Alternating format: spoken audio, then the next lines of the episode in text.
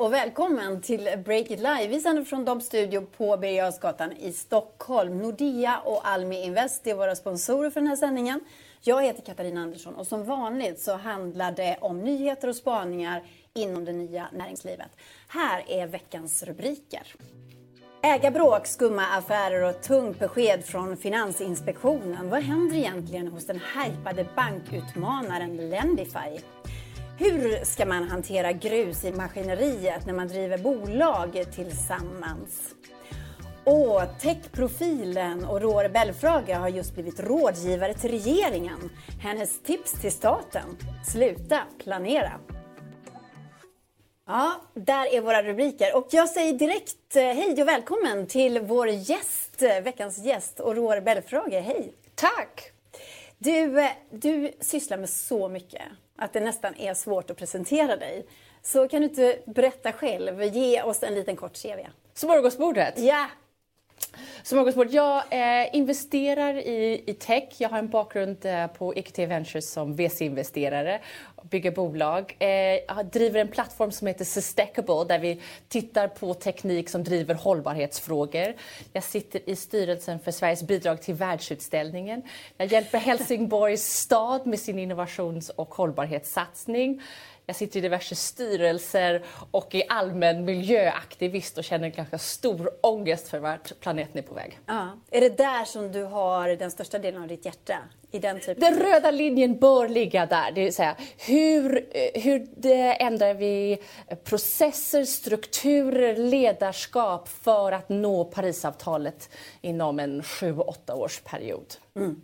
Spännande. Vi ska prata väldigt mycket mer med dig och Rår senare.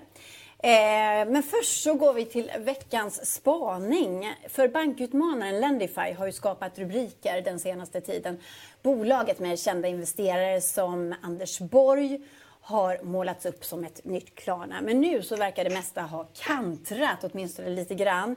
Grundarens skumma affärer har lett till ett infekterat ägarbråk. Och imorgon så hålls en bolagsstämma som vi gissar kan bli ganska dramatisk. Och jag säger hej till Breakits medgrundare Olle Aronsson. Hallå Olle! Tjenare! Du, eh, du har ju grottat ner dig i den här historien om Lendify i en månad nästan. Varför är Lendify så intressant? Det är dels för att det är ett av Sveriges mest snabbväxande techbolag. Eh, sen så är det ett gäng tunga namn bakom. Utöver Anders Borg, den gamla finansministern, så har vi sex, sju svenska miljardärer. Eh, det är sådana som Håkan Roos, Martin Gren, Lundinfamiljen, Stadiums ägare. Eh, så det är ett späckat persongalleri. Mm. Eh, och eh, sen är det också ett varumärke som är känt bland många småsparare. Men du, kan du bara kort dra deras idé? För Lendify, alltså de lånar ut pengar. Hur går det mm, ja, men exakt. Precis. Ja, men, eh, dels så lånar de ut pengar till privatpersoner som typ vill renovera om köket till exempel. Blankolån. Det gör ju många andra men det som är en liten twist som de har med sin idé då det är att eh, sen kan andra privatpersoner investera i de här eh, blankolånen och få typ 5 ränta. Mm. Och nu så har det blossat upp ett ägarbråk. Det måste du beskriva. Varför då? Ja, men det där var något som började i somras då. Landify fick eh, avslag på eh, en eh, ansökan om att driva finansieringsrörelse med sparkonton. Det är en slags light-variant av att bli bank. Då. Och att de just fick avslag, det är ett ganska hårt besked från Finansinspektionen. Sen misslyckades de i samma veva med en kapitalrunda. Och efter att allt det hände så blev investerare förbannade. De insåg att grundaren hade lite grann cashat in i hemlighet och checkat ut. Så han är inte superpoppis nu. Nähä. Men den här grundaren då, vem är han? Ja, men han är en intressant och, och tyvärr lite ljusskygg figur. Han bytte för ett par år sedan namn från eh, John eh, Christian Eriksson till Duchamp i efternamn, alltså D-Champ som han uttalar det på svenska. Eh, han gör aldrig intervjuer, men han har tidigare drivit till exempel ett annonsbolag på Aktietorget som kapsejsade för typ åtta år sedan. Och då var det också ett ägarbråk, bland annat för att han hade hyrt ut eh, kontorsplatser i sin egen villa med sjötomt till bolaget. Eh, säljarna satt och ringde där och han fick en del kritik för det. Eh, men grejen är att han äger numera, efter att ha sålt av oss, under 10% av Landify, så det är liksom inte han som kör längre, men han är den som folk är sura på. Mm -hmm. Ja, han verkar lite strulig, men om det är inte han då som kör företaget, vem är det som kör då? Ja, eh, det är lite som Janne Långben på julafton, ni vet det här, vem är det som kör egentligen? Det kan man faktiskt fråga sig. Eh, men, eh, som sagt, det finns en lång lista på prominenta investerare men det är ingen som är jättetydlig huvudägare och sådär. Om man jämför med Klarna till exempel, så där är det ju Sebastian som kör och det är han som sitter i förarsätet. Men även om ledningen är tydlig i Landify så är ägaragendan väldigt oklar. Det, de här miljardärerna äger liksom lite var och alla beskriver sig som ganska passiva. Mm. Är det vanligt med en sån här splittrad ägarbild i ett bolag eller är det någonting som är lite utöver det vanliga? Alltså ja, i startups som är så pass unga är det ovanligt, det får man säga. Det mm. brukar ju vara eh, ett gäng grundare som kör. Mm. Men imorgon, då är det fredag, eh, då händer det grejer för då har Lendify en bolagsstämma och eh, det är ett infekterat läge. Vad tror du händer imorgon? Ja, vi skulle säga imorgon fredag den eh, ja, 27 blir det väl, mm. säga. Så för de som kollar eller lyssnar i efterhand. Men det som kommer hända imorgon det är att Landify kommer slakta sin egen värdering. Eh, de gör en ny emission och eh, värderingen kommer vara typ 300 miljoner från över en och en halv miljard som den var tidigare. Mm. Eh, och det handlar egentligen att efter den här floppade kapitalrundan som var i våras och efter att tillståndet inte blev något så eh, så behöver bolaget fortfarande pengar för att lösa den löpande driften.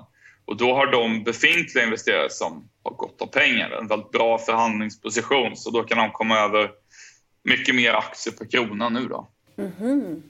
Ja, men det hade varit ganska spännande att få vara med där imorgon då, tänker jag. Undrar vad det blir för Ja, man kanske borde ha köpt in sig. Precis, man kanske borde ha köpt in sig här för att vi kallade bolagsstämman. Eh, nej, men det kan nog bli en del heta diskussioner tror jag. Vad som är klart är att, eh, eller klart, men det är väldigt hög sannolikhet i alla fall att grundaren han kommer ju säkert då spädas ut och inte ha så mycket aktier kvar efteråt. Han har redan slutat i bolaget och liksom lite grann checkat ut så. Mm. Eh, men det är ganska spännande för jag tror att den här öppna ägarbilden den innebär också att en eh, annan nischbank kanske, alltså någon som Nordax eller något sånt mhm. konkurrerande mm. bolag, ja, varför inte Collector.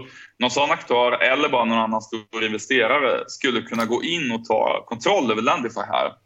Eh, det är inte det vanliga i ett bolag där det finns grundare som liksom kan stå emot sånt, men här det, är öppet läge kan man säga för den som eh, vill in. Så det är en mm. uppmaning om vi har någon lyssnare som sitter på några hundra miljoner att uh, köpa in i, Lendify och bråka lite. Men eh, är det en bra idé alltså? Alltså är Blendify ett bolag som du tror på framöver? Ja, men egentligen alla de här problemen som de har har inte så mycket att göra med det har inte så mycket att göra med den operativa verksamheten. Mm. De, de växer ju bra, de har rätt stora intäkter och affärsmodellen tror jag kommer funka. Så, utan grejen här är eh, att det är bråkigt i ägarkretsen och oklart vem som styr och att de har fått avslag på det här tillståndet. Men eh, med den verksamhet de har idag, den har ju vuxit på och varit eh, en succé i sig. Så att man får skilja på ägare och bolag här. Mm. Cred till dig Olle som har eh, grävt i det här. Jag måste bara fråga den här ägaren. Du har aldrig fått tag i honom eh, Deschamps, alltså när du har mejlat eller försökt ringa eller så? Aldrig fått? Eh, jo, eh, jag, en gång, första gången jag ringde honom så svarade han faktiskt i telefon och så bad han väldigt bestämt om att få alla frågor per mejl. Och som journalist så propsar man ju då på att det ska bli en telefonintervju istället, men han gick inte med på det. Uh, och så då mejlade jag en del frågor och då skickade han ganska intetsägande svar som inte riktigt svarade på frågorna. Mm. Uh, och det var inför första artikeln jag skrev och sen så mejlade jag igen då inför kommande artiklar men då har han aldrig svarat igen. Mm. och um, han har aldrig varit öppen med att han har drivit de här kapsejsade bolagen tidigare och det var väl när jag började ställa frågor om det som han lite grann checkade mm. ur diskussionen kändes det mm. Du skrämde upp honom lite Olle där då. Men han måste alltså inte vara med på bolagsstämman imorgon? valfritt. Det, mm. det, alltså, det är ju som alla ägare, man är inte tvingad att gå på en bolagsstämma. Um, vad jag menar med att han har checkat ut är att han har slutat jobba för bolaget och uh, det är ganska uppenbart att han har inte de pengarna för att vara den som tar över ägandet nu. Så hans ägande kommer nog krympa ganska mycket i min bedömning. Mm. Jag vänder mig till dig, Aurore. Eh, du hör den här historien som Olle berättar. Alltså en bråkig ägare som jobbar med affärer som man skulle kunna klassa som, som skumma. Ett infekterat ägarbråk. Är det här någonting som du känner igen som investerare? Ja, jag vill ju absolut inte kommentera på Ledify-caset för att jag lär mig nu medan jag lyssnade. Ja. Men som koncept är det ju eh, inte en ovanlig dans, det vill säga grundare, team, ägare och mellanägare så har man olika bild av verkligheten och olika bild av vart man ska. Och det är ju så här lite klichéartat och lite tråkigt som fröken då säga transparens är viktigt. Men det är ju verkligen det, man måste prata med varandra om vart man ska, vad man vill och, och hur hur man ser på verkligheten och hur man ser på stegen dit. Uh, och det är så här, i verkar... efterhand, ah. när man dricker kaffe med entreprenörerna efter någonting har exploderat eller det har varit bråk, konflikter i någon form av strategivägskäl. Eh, Varenda gång så, eh, så kan grundarteamet säga jag kände det på mig. Det vill säga, man vet redan innan man går in i det här partnerskapet att det skaver lite. Och det är det som är så spännande och roligt med att investera i startups. Det är ju inte en Excel-bladskalkyl. Det är ju inte bara siffror, bottom line och tillväxt och eh, market size och så vidare. Utan det är ju människor. Och det är väldigt iterativt i den resan. Det vill säga, man måste ju lira med varandra för att det ska funka. Mm. Så att om någon kommer och sätter en stor påse pengar på bordet så stirra dig inte blind på den stora påsen pengar. Utan det är ju det, eh, de som håller i den som du måste jobba med. Mm, det är spännande för att det är så mycket siffror och så i business tänker man. Men du pratar om den här magkänslan. Man måste ha kontakt måste med ha magkänsla. Ja, ja. För flörten är ju alltid kul och då pratar man bara om de roliga sakerna. Men i äktenskapet så, så håller ju bara äktenskapet om man klarar sig igenom sina konflikter och man kan ha konflikter på, eh, på konstruktiva sätt. Mm. Alltså konflikter är ju inte dåligt. Nej. Olika perspektiv är ju bra, men man måste veta att man har ungefär samma värderingsgrund så man kommer ta sig igenom konflikterna på ett bra sätt. Mm. Olle, vad tänker du när du hör det här? Eh, har du pratat med de andra ägarna och hur ser de i så fall på den här konflikten? Hur arga är de? Ja, men, eh, förenklat kan man säga att det här är ett ganska ovanligt fall för att det är mer att de flesta beskriver sig som passiva och mm. inte riktigt vill eh, vill stå för, för sin del i diskussionen. Eh, det är ju ganska ovanligt i entreprenörsdrivna bolag. Eh, så Lendify är ovanligt. Däremot känner jag igen mycket av det som, som Aurore säger att det vanliga är ju snarare att man har eh, kanske ett par grundare och sen ett par stora investerare, typ riskkapitalbolag. Mm. Och relationen där mellan fyra, fem personer som är de ägarna som som kör tillsammans, den är ju superviktig och där tror jag att man eh, om man vill vara säker på att det ska bli riktigt bra, då är det nog som att anställa en hög chef, att man ska ta referenser och, och verkligen, eh, ja, men kanske nästan personlighetstester och, och, och den typen av eh, ganska ingående förberedelser innan man ingår det. Annars löper man i varje fall en risk att gå åt skogen. Mm. Om jag får ett eh, tillägg där. Mycket av det som vi gör i den här startup-cirkusen är ju då inte just det där att, att lära känna varandra på djupet utan vi håller ju på med pitchtävlingar där entreprenörer ska stå på scen i tre minuter och ska en gång gå och så ska investerare låtsas vara viktiga och fylla i formulär och bedöma 10 poäng, 12 poäng och så vidare. Mm. Och så utdelas en check därefter. Mm. Det, ingen, det reflekterar inte verkligheten i form av det partnerskap som behövs men det reflekterar heller inte verkligheten av vad som händer sen efter checken. Det vill säga, man måste ta sig tid att prata med varandra. Kommer vi kunna bygga bolag ihop? Mm. Alltså checken är det enkla att skriva. Och det talar ju också för att man har riskkapitalbolag som investerar. Nu har jag det som bakgrund så jag är lite eh, part i målet. Men jobbar du tidigt med någon av dina kunder som investerare Mm. så verkar det väldigt spännande. Åh, min stora kund vill investera. Men det är inte säkert att din stora kund vill bygga marknaden eller bygga ett världsherravälde på det viset du vill. Eh, för att de har liksom en, en annan fokus och en annan strategi. Ja, det är mycket att tänka på och eh, det ska vi faktiskt göra lite senare, alldeles strax i programmet. Olle, det är du då som ska bli personlighetstestad. Vi kommer tillbaka till det. Men nu säger jag tack till dig för den här spaningen, Olle, så häng kvar, du är strax med igen. Och eh, Aurore, du eh, kommer också tillbaka, du tar en liten paus nu. Sen när du kommer tillbaka så vill vi att ni tittare ställer frågor till Aurore Belfrage. Du kan fråga om i stort sett vad som helst, eller hur? Du är både investerare, du är också fokuserad på AI, du är regeringens rådgivare i startupfrågor. Alltså, här finns ett helt galleri av frågor. Det är bara att ställa vilka frågor man vill. Det kan du göra på Breakits eh, Facebook-sida eller på Breakits sajt bredvid eh, vår, vår eh, Breakit Live-ruta där. Så kan man lägga in i Twitch-feeden. Så gör det. Vi ska alltså gå vidare i programmet nu och Breakit Live backas ju av Almi Invest och det inslaget som följer det är sponsrat.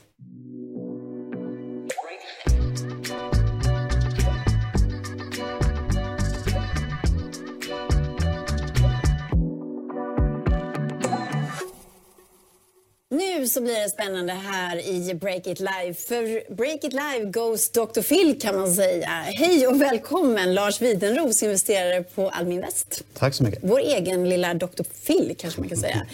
Du är ju väldigt bra på det som kallas för eh, teamutvärderingar. Och teamet bakom ett bolag det är ju bland det allra viktigaste för många investerare att ta en titt på. Det där är du väldigt bra på. Hur viktigt är det?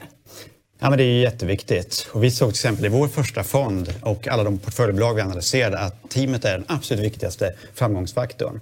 Mm. Viktigare än produkten? Viktigare än produkt, viktigare än marknad som kom först och på andra, tredje plats. Spännande.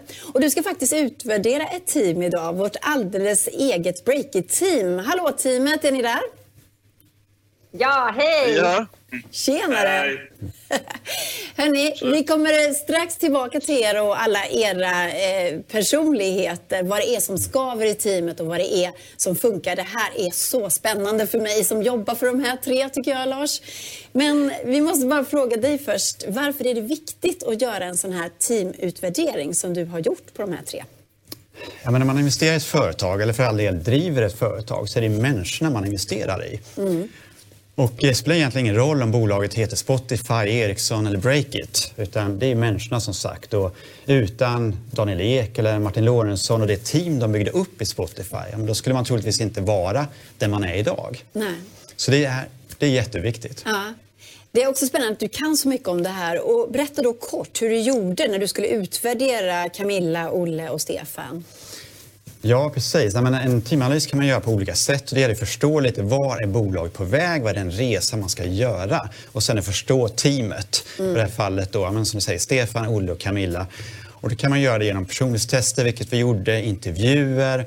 Och sen kan man även ta referenser, titta på bakgrund, CV-erfarenheter. Mm. Um, jag, det, hörde, jag hörde att du och Camilla kom väldigt bra överens igår. Eller hur Camilla? Hur var det att göra en sån här utvärdering med Lars när du satt själv med Lars? Eh, ja, men det, var jätte, det var jättehäftigt för att eh, dels så fick man ju mycket, många så nycklar om sig själv. Eh, men det var också härligt att få, få liksom, använda Lars lite som en terapeut och eh, Eh, ja, vi pratade väl en timme där och jag fick gråta ut lite och så, och så fick jag bra tips där från Lars. Så jag, jag fick också många insikter just kring hur viktigt det är att få ihop teamet och eh, hur, eh, ja, men hur viktig del det är i företagets framgång. Det, det visste jag väl liksom redan, men det blev extra tydligt. Mm. Olle och Stefan ska strax eh, släppa in er också. Men om du ska säga någonting då, Lars, vad du kom fram till när det gäller de här tre. Hur är de? Och fun hur funkar de som team? Ja, men de kompletterar varandra väldigt väl faktiskt. Eh, ta till exempel Stefan. Eh, ser möjligheter här och nu. Eh, har affärssinne. Eh, tar gärna en affär om man ser en. Eh, och gillar det här med liksom, säljfokus på det. Medan kanske Olle då står för det här långsiktiga, mm. mindre fokus på nästa månads resultat, vill bygga produkter, mejsla fram den här strategiska planen. Mm. Och sen Camilla då som kanske balanserar lite Olle och Stefan i de här taktiska eller strategiska vägvalen. Men det kanske eh, Camillas främsta styrka då är det att hon har det här positiva, inkluderande ledarskapet. Spännande. Precis. Du, eh, Stefan, håller du med om bilden av dig själv här som Snabbe Ville som tittar kortsiktigt? Ja, men jag är en kortsiktig person. Så jag, som jag sa till Lars när vi gjorde det, så att jag tar gärna pengarna om de ligger på bordet. Så kanske det är svårt att, och se det här långsiktiga. Och vi står ju just nu inne i, i ett eh, strategiskifte, strategiskifte i breaken. Så där tror jag att jag har rätt, kanske nästan störst utmaning att, att våga springa på de här lite mer långsiktiga bollarna än de här korta då, som jag gjort hittills. Mm. Men Lars, det låter ju som då att om Olle är den som tänker långsiktigt och Stefan är den som tänker mest kortsiktigt, att det finns ett rejält skav där. Gör det det? Skav eh, låter ju dramatiskt, men, men, visst, det gäller ju att balansera det här korta gentemot det långsiktiga då. Mm. Så man inte blir för splittrad som bolag och liksom, strategin eh, ja, flyger åt höger eller vänster allt för kortsiktigt. Olle, hur, hur ser du på den analysen? om dig? Ja, det stämmer ju till att börja med att jag gillar att tänka på lång sikt och Eh, gillar att fokusera på produktutveckling och sånt som kanske först kostar pengar ett tag och så dröjer det innan den investeringen eventuellt ger avkastning. Um, för mig har det varit lite grann den omvända processen för Stefan där helt enkelt att ehm, eh, lyssna in det här eh, både från Stefan och Camilla att man ändå behöver eh, liksom löpande sätta affärer och inte kan skjuta det på framtiden hela tiden. Mm. Jag brukar raljera lite över att om vi hade varit så långsiktiga som jag vill vara, då kanske man liksom varit så långsiktig att man går i konkurs innan man börjar göra affärer. Och, ja, men det är liksom planering och strategi i all ära, men eh, pengarna måste in också. Det, det fattar jag också. Så det, mm. det har, har, väl varit en, en process där att eh, frångå det jag tycker känns rätt i teorin och ibland bara sparka in en boll. Mm. Men Lars, det här kan ju inte vara några ovanligheter att team skiljer sig i personligheter så här. Det måste ju vara så hela tiden. Ja, men så är det ju. Och det, det kan ju vara en fördel då genom att man kompletterar varandra, men är man olika å den andra sidan då så kanske man får svårare att eh, förstå varandra och kommunicera och eh, kanske leder då snabbare till, eh, till problem helt enkelt. Mm. Och här såg vi även ett annat område då i, Breakits team helt enkelt. Att eh, man har väldigt eh, olik social stil också. Social stil? Ja, men lite hur man, eh, social framtoning, hur man kommunicerar, hur rättfram man är till exempel. Och där är de väldigt olika då. Jaha. Och det, där, eh, det kan ju då uppkomma på grund av det eh, lite småtjafs, eh, veckans bråk eller vad det nu kan vara. Eh, Vi släpper säger... in Camilla här tycker jag och frågar. Vad, förstår du vad Lars pratar om här eller?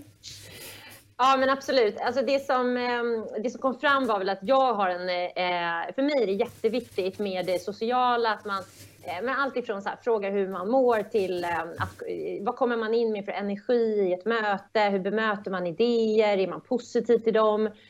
Och det här skattade ju då Olle och Stefan inte lika högt. Det var inte rekordlågt, men det var i alla fall inte så högt som jag har. Och jag fick nog ganska mycket insikter av det för att eh, vi har jobbat ihop i fyra år nu och liksom 30, om det, om det mesta känns det som. Men när jag mm. tänker tillbaka på de situationer som varit riktigt jobbiga, då är det faktiskt för mig nästan alltid den här frågan. Att jag upplever att jag eh, Eh, kommer med, eh, med, någonting, med någonting positivt, med någonting så här, men nu har jag tänkt på den här tanken, att nu har jag verkligen så här, en jättebra lösning på det. Eh, och sen då upplever jag, det här är ju min, eh, min beskrivning av eh, händelsen, men att, eh, att Olle och Stefan då är lite eh, kan vara negativa eller kantiga eller, eller hårda eller eh, liksom, eh, möter liksom lite av en vägg och så, och så tar jag illa upp och jag kan bli ledsen ibland och kan väl då hugga tillbaka för jag är inte rädd för att säga vad jag tycker och sen är vi igång.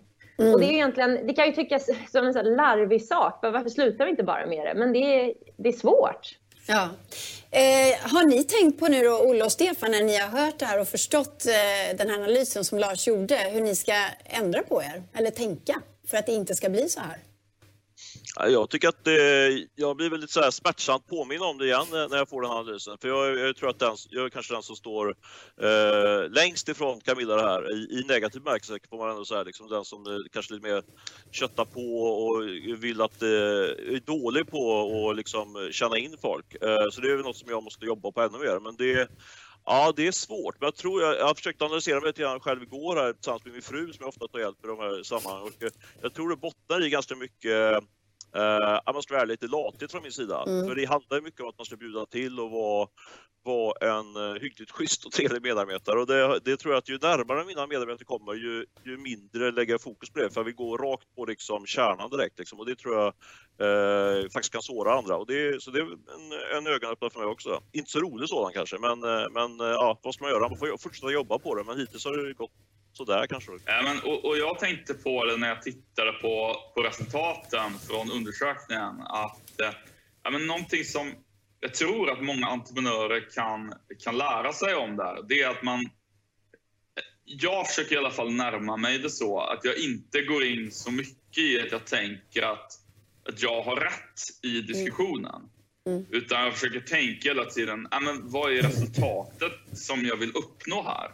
Och ibland så är resultatet att jag vill uppnå bara att, eh, någon, att eh, vi ska kanske sätta en affär eller genomföra en bra lansering och att alla ska känna sig motiverade kring det. Mm. Och då kan jag kanske uppnå det resultatet genom att kommunicera på ett sätt som inte är mitt helt naturliga. Eh, så har jag försökt närma mig det med varierande framgång. Och det, du... det tror jag fler kan lära sig av. Ah, Lars, du hör hur eh, entreprenörerna bakom Breakit reflekterar här. Vad tänker du? Jag tänker det är jättebra, för det börjar med, med medvetenhet på något sätt. Och det är väldigt insiktsfullt det som både Stefan och, och Olle säger då. Eh, jag tror om man vet om någonting, men då kan man också jobba med det helt enkelt. Så att det, är, det är bra jobbat hittills helt enkelt. Mm. Jag måste fråga dig, så här, när du utvärderar team och tittar på dem då eh, och ser att de är olika på många sätt. Så här, hur vanligt är det att man eh, löser de här svårigheterna? Eller är det vanligare att det bara blir värre och värre så att säga? De skillnader som finns från början? Jag tror det beror lite på vilken typ av problem det handlar om. Men Eh, har man väldigt olika syn på exempel vision, vart man ska eller ambitionsnivån skiljer sig kraftigt mellan, mellan grundare eller ett team. Prata om det. det. Det är en bra början och eh, då kan man förhoppningsvis lösa upp de här knutarna allt eftersom. Mm. Camilla, Olle, Stefan, eh, kommer ni bli bättre på att prata med varandra?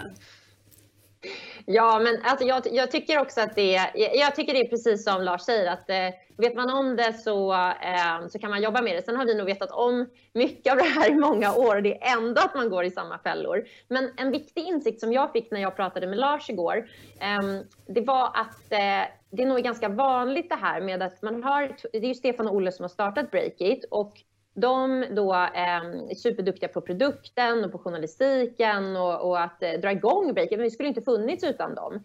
Men sen har de då sett att men nu behöver vi ta in någon som Camilla som ska liksom motivera och leda teamet och är mer den här människo, men, ja, vad ska man säga, människokännaren. Mm. Eh, och då kan det just i sådana konstellationer upp, eh, uppstå lite liksom groll och, och, konflikter, eller man ska säga. Men då måste man ju påminna sig själv om, och den insikten fick jag, att men nu är jag satt, satt på den här positionen just för att jag har de här egenskaperna. Och eh, om, om vi alla kan försöka tänka lite mer på det och jag kan också ha lite större acceptans med Stefan och Olle kring, att, kring vad de är grymma på, då tror jag att vi kan i alla fall komma framåt. Att ha rätt rollfördelning är ju väldigt viktigt i bolaget och här har ju då Breakit, eh, grundarna varit väldigt modiga på något sätt och, och eh, eh, på något sätt hittat nya roller och mm. nu gått tillbaka till att vara reporter, någonting som de verkligen gillar. Medan då Camilla som kanske mer har det här inkluderande ledarskapet går in i, i vd-rollen. Mm. Så att det, det är ett verktyg man kan jobba med just att hitta rätt roll för alla då, liksom, och matcha styrka med, mm. med den här rollen. Till sist, då, vad, vad tror du om eh, framtiden för det här teamet på Breakit? Kommer de att klara det? Ja, men, eh, jag tycker framtiden ser väldigt ljus ut. Jag tror mycket väl de kommer klara det här och ta det till nästa nivå.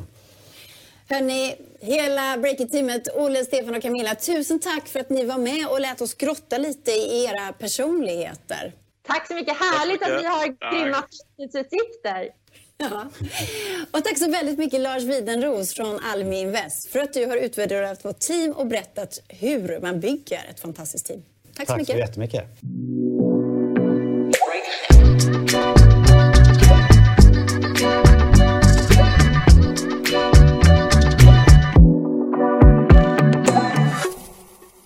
Och Roar Belfrage är tillbaka och du har som sagt väldigt många eh, strängar på din lyra. Men jag skulle vilja fokusera på en sak just nu och det är att eh, det kommer en nyhet i veckan om dig Eh, du har blivit rådgivare till regeringen kan man säga. Kan du berätta om det? Ja, Tillväxtverket eh, har en satsning som heter Startup Sweden. Och Startup Sweden har funnits sedan 2016 med ambition att stärka det svenska ekosystemet, att ta fram entreprenörer och startups och hjälpa dem att skala och bygga och så vidare. Mm. Och har nu satt ihop ett eh, team av rådgivare för att stötta den processen i nästa kliv. Ja. Och där har jag fått ingå. Det är jättespännande. Så där kommer du in, klampar in på klampar Tillväxtverket. Men hur är det att jobba med Tillväxtverket och regeringen? Alltså en, en person med din karisma och, och driv. Så. Nu har vi precis börjat, eh, men jag känner ju de här eh, människorna och det här teamet sedan länge tillbaka och de gör ju jättemycket för Startup Sverige och ambitionsnivån är hur tar vi både entreprenörer, deras bolag, deras anställda till nästa nivå men också hur passar det in i de eh, målsättningar och ambitioner som vi har som land och som del av EU. Så det är ju liksom, det är, ju, eh, det är stort och svulstigt ja, på det viset. Ja, verkligen. Och då när man ska ta ihop så här tech-entreprenörer och de här ambitionerna som vårt land har att bli väldigt digitalt och så vidare. Hur går det då, tycker du? Här finns det ju en utmaning och, eh, och utmaningen ligger i att eh, Vissa typer av teknologi och vissa typer av bolag har lite lättare att få till sig kapital. Mm. En av anledningarna varför jag lämnade EQT Ventures för tre år sedan var att riskkapital och pengar finns ju hur mycket som helst av. Eh, och det finns väldigt mycket duktiga bolag som bygger kommersiella eh, produkter och tjänster som får pengar och får stöd och de får sina första kunder. Och så. Det där systemet, och det är inte felfritt på något sätt och det finns massa utmaningar i det och alla får inte rättvist. Så att, eh, det är inte svart eller vitt, men det, liksom, det fun fungerar någorlunda. Mm. Och det jag kände att där det fungerar mycket, mycket sämre, det är när eh, bolag bildas för att lösa problem som har en statlig motpart. Mm. Eh, skola, sjukvård, infrastruktur, försvar, även om det funkar nog lite bättre.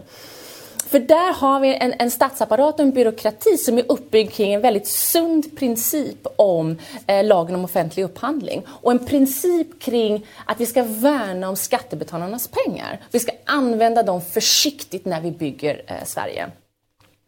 Problemet med det är att då använder vi och köper vi bara teknologi som är robust och testad.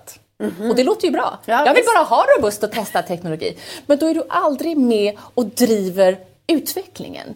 Då är det någon annan som har drivit utveckling, det är någon annan som har bestämt hur det ska gå till. Det är någon annan som har bestämt värderingarna för det AI som får ingå. Och sen kommer en statsapparat in och säger, nu när det är testat, två, tre, fem, sju år senare och, och pluggar in det i Sverige. Mm. Men de utmaningarna som vi står inför, både på, framförallt på hållbarhetssidan, kräver att vi jobbar nu och kräver att vi använder innovationsupphandlingslagen mer och i, eh, i förarsätet och jobbar tillsammans med bolag. Och det innebär mycket mer risk och innebär att vi måste jobba på ett annorlunda sätt. Mm. Så jag har dedikerat min tid till den delen av dansen. Ja, men det låter jättespännande. För också de här bolagen som du pratar om nu som kan lösa våra stora samhällsproblem med skola och vård och så vidare. Eh, de, eh, de har det svårare säger du samtidigt. Så nu ska du hjälpa till då och jämna marken lite här då. Vad, vad ska de göra konkret då, tycker du? Regeringen? Det tillväxt, Tillväxtverket gör och ambitionen är att skapa ett ekosystem. Och ett ekosystem är ett ganska använt eh, buzzword i industrin som man inte alltid vet vad det betyder. Men det betyder ju att, eh, någon form av kontext där man verkar tillsammans och det finns olika parter som bidrar. Eh, och det jag tror kommer att gagna det svenska ekosystemet, det är att olika statliga institutioner, olika beslutsfattare på olika nivåer som har som eh, arbetsuppgift att lära elever eller vårda patienter eller bygga vägar eller mm. tänka på transport och tåg också får lära sig och lära känna entreprenörer som bygger teknologi.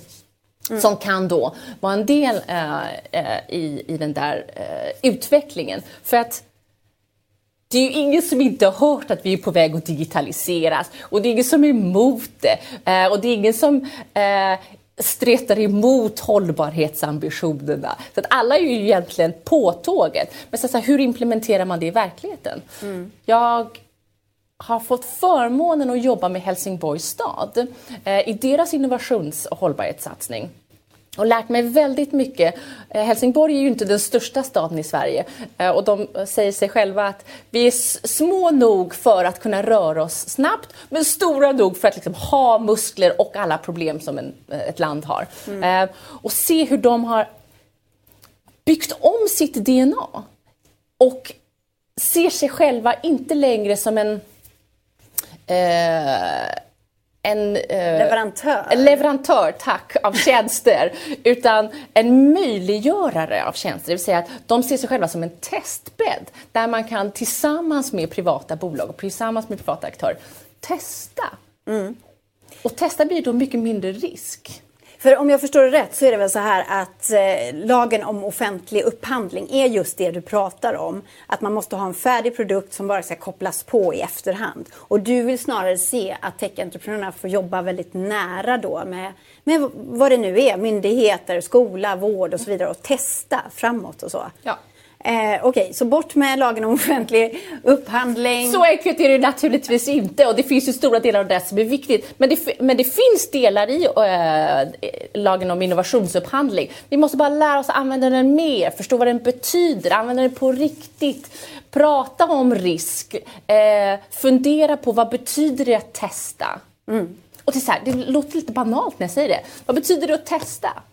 Ja men då kan man ju göra fel en hel del. Tänker då jag. kan man göra fel. Mm. Och i vår startup-kultur ja. så hyllar vi det. Just Fail fast. Ja. Man måste testa, se, funkar det, funkar det inte, funkar, funkar det inte. Ny kunskap, nästa steg, ny plan, ny kunskap, uh, funkar det inte.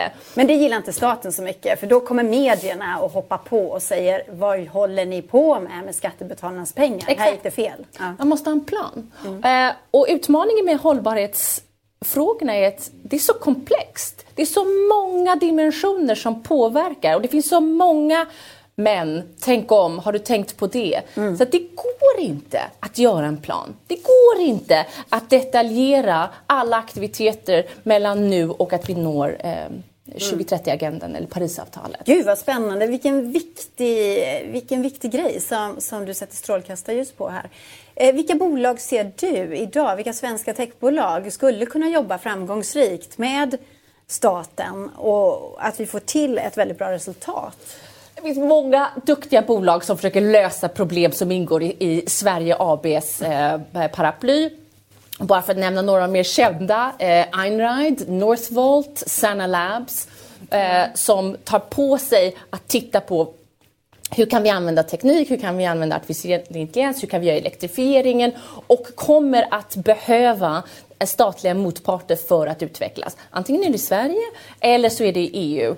Och det finns ju en oroväckande diskussion ibland hos några av de här bolagen.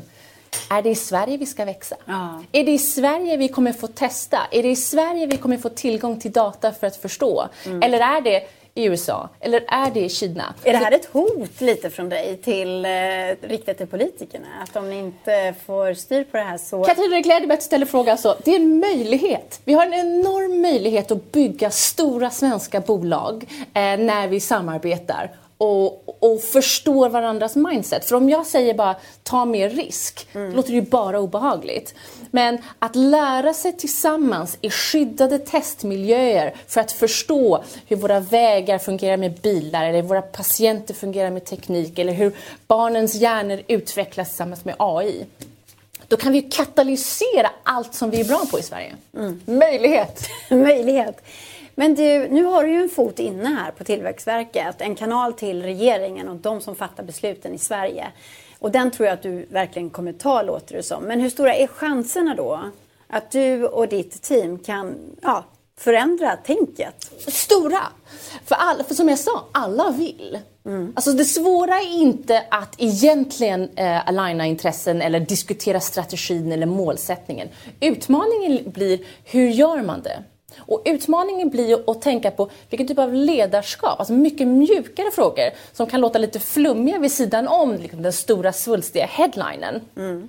För att precis som du säger, utmanaren blir ju den arge medborgaren eller den rädda medborgaren eller, nu pekade jag på dig slentrianmässigt, den slöa journalisten, det var absolut inte meningen, men media som just ställer en mot väggen när man inte mm. har tänkt ut allt. Det vill säga ett ledarskap som är visionärt i att vi vet målsättningen men orkar klarar av att hantera att inte förstå alla stegen dit. Mm. Och ta pressen från pressen. Ja. Mm. Ta pressen från pressen. Yes. That's your tweet. Yes.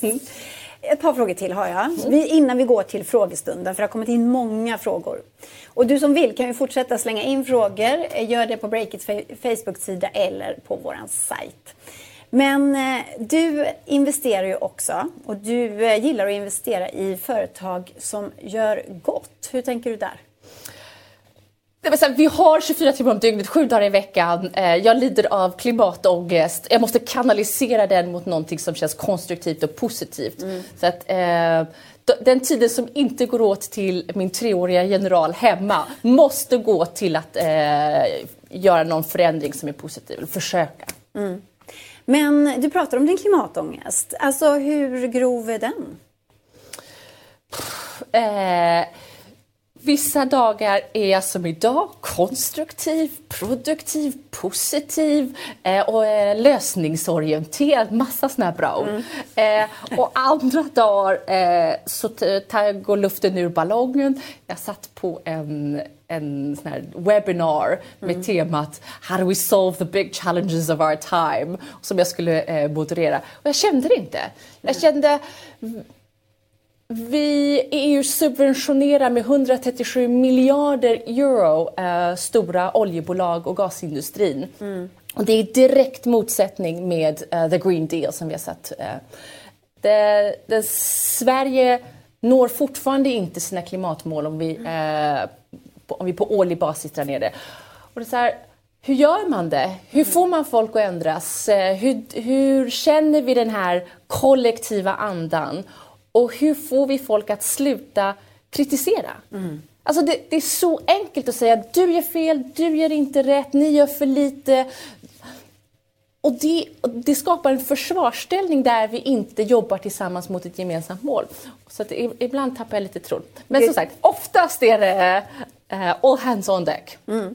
Så eh, du driver en sajt eh, som handlar om klimatet. Berätta bara kort om den också. Ja, sustainable.com. Där, där highlightar vi teknologi som hjälper till att eh, förflytta eh, oss närmare målet. Mm. Och där, där vi pratar om utmaningarna kring allt från hur skattesystemet fungerar till hur kapitalet rör sig till hur jobbar vi med statliga institutioner. Så att försöka vara en, uh, en think tank, thought leader i liksom, utmaningarna runt omkring teknologin. Mm. Men det här med att göra gott, till exempel för klimatet då. Kommer det någonsin löna sig? Kommer man kunna tjäna stora pengar på det?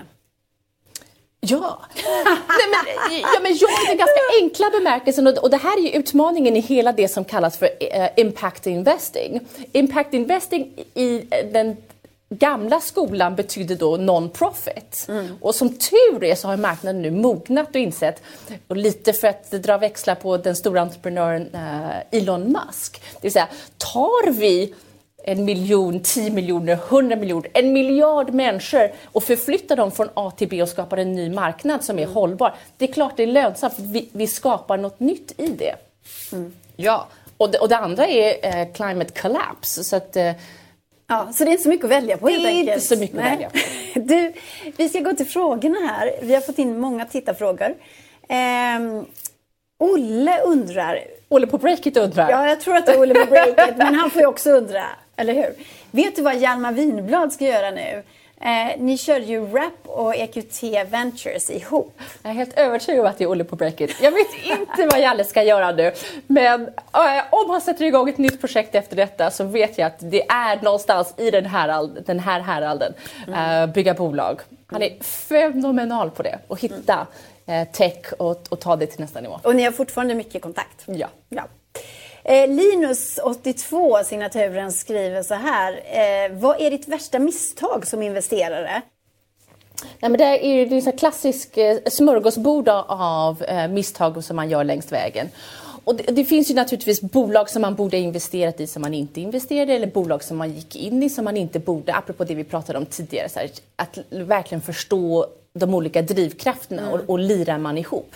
Men det, det naiva misstaget jag gjorde när jag gick in i branschen som jag lärde mig under vägen var eh, jag slentrianmässigt tyckte att eh, eh riskkapitalister var eh, arroganta. Eh, och det finns en, en, sanning i det där. Men jag trodde att jag skulle kunna respektfullt ta mig tid till alla bolag som approcherade mig. Mm. Och jag insåg att det där var mycket svårare än vad jag trodde. För det kommer så otroligt mycket bolag, det finns otroligt mycket spännande teknologi. Och man hinner bara inte sätta sig in i alla och tänka på alla och koppla det till sin eh, investeringstes om de olika branscherna. Eh, så där har man slarvat och sagt tack nej tack, tack nej tack på ett sätt som jag inte trodde att jag skulle göra. Jag trodde att jag skulle kunna ge mer tid. Och du gjorde inte det. Blev du en arrogant? Ja, men antagligen så måste det uppfattats som det och det är då jag inser att det är inte arrogans utan det är bara här, eh, en flodvåg av, av spännande bolag. Men det är väl lätt att fixa? Det kan man väl skriva ett standardiserat, trevligt. Alla ser ett standardiserat och förstår vad det är till standardiserat så det tror jag allt på. Det är bara att okay. acceptera att, man, man, att man inte lyckas med den biten. Mm. Mm. Mm. Lindis skriver, hur tror du världen ser ut när pandemin har ebbat ut? Den har vi levt med ett bra tag nu. Ganska tyngda av den, lite till mans tror jag. Den spännande delen av pandemin, om vi parkerar eh, sorgen och det jobbiga mm. och de utmanande delarna eh, och frågor om liv och död som, som vi många har, har handskats med. Det, den spännande delen med pandemin är att den har luckrat upp mentala föreställningar. Jaha, hur menar du då? Det som förut var så här ska det alltid vara, så har vi alltid gjort, så här ser världen ut, är plötsligt mycket lösare. Och, och många människor på olika nivåer i samhället plötsligt har en injektion av något entreprenöriellt. Vi kan bygga om. Mm. Saker och ting har gått sönder. Vi måste fixa. Och när vi bygger om, vad vill vi ha? Vad tänker du på konkret nu då? Ja, men det vi har pratat om. Hur når vi hållbarhetsmålen? Om en stor del av ekonomin kollapsar eh, och vi ska injicera statliga pengar för att bygga upp det igen och göra då som regeringen gör och som EU gör, eh, mycket ambitiöst. Koppla det till mål i eh, hållbara mål. Så här vill vi att ekonomin ska se ut. Det är det här som vi måste uppnå för att eh, 2030 ska bli verklighet. Och, och det var ju papperskonstruktioner innan. Men nu så har vi då mentalt luckrat upp och eh, ekonomin ser annorlunda ut. Så då har vi plötsligt verktyget att vara ambitiösa i vår vision och vi kan våga tänka om på ett sätt som är coolt. Jag ser det, jag ser hur folk i olika delar av eh, samhället funderar på vad är min roll? Mm. Hur kan jag bidra? Hur kan min familj, hur kan min, mitt bolag bidra? Och bara den frågeställningen och rikta bara lite av sin energi mm. till eh, ett, något form av kollektivt välmående är fantastiskt. Ja. ja, så att det finns också en sida av krisen som för något väldigt gott med sig.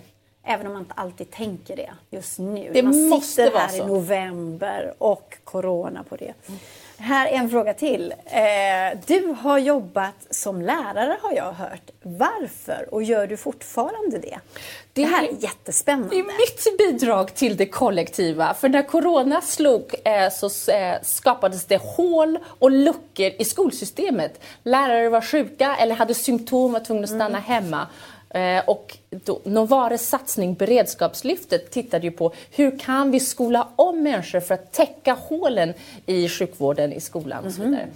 Och så räckte jag upp en hand och sa jag kan bidra.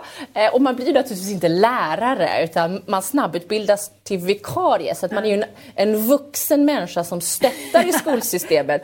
Men jag fick ju lära mig eller, eh, påminnas om sånt som jag lärde mig i skolan. Eh, hur konstruerar man en bro? Vi fick läsa om Lord of the Flies. Eh, så att jag tyckte det var väldigt roligt personligt men också ett sätt för mig att, att, att bidra när, när det krisar. Men du hamnade i klassrummet framför Absolut. en hel klass? Absolut. Ja, gick det bra då? förmätet för mig att sitta och säga ja, men så här, de överlevde, jag överlevde, eh, skolan fick stöd under den där tiden, eh, jag fick läsa om eh, eh svenska, eller vad heter det, stora klassiker och eh, ja. Mm. Är det någonting du kan tänka dig att göra framöver igen?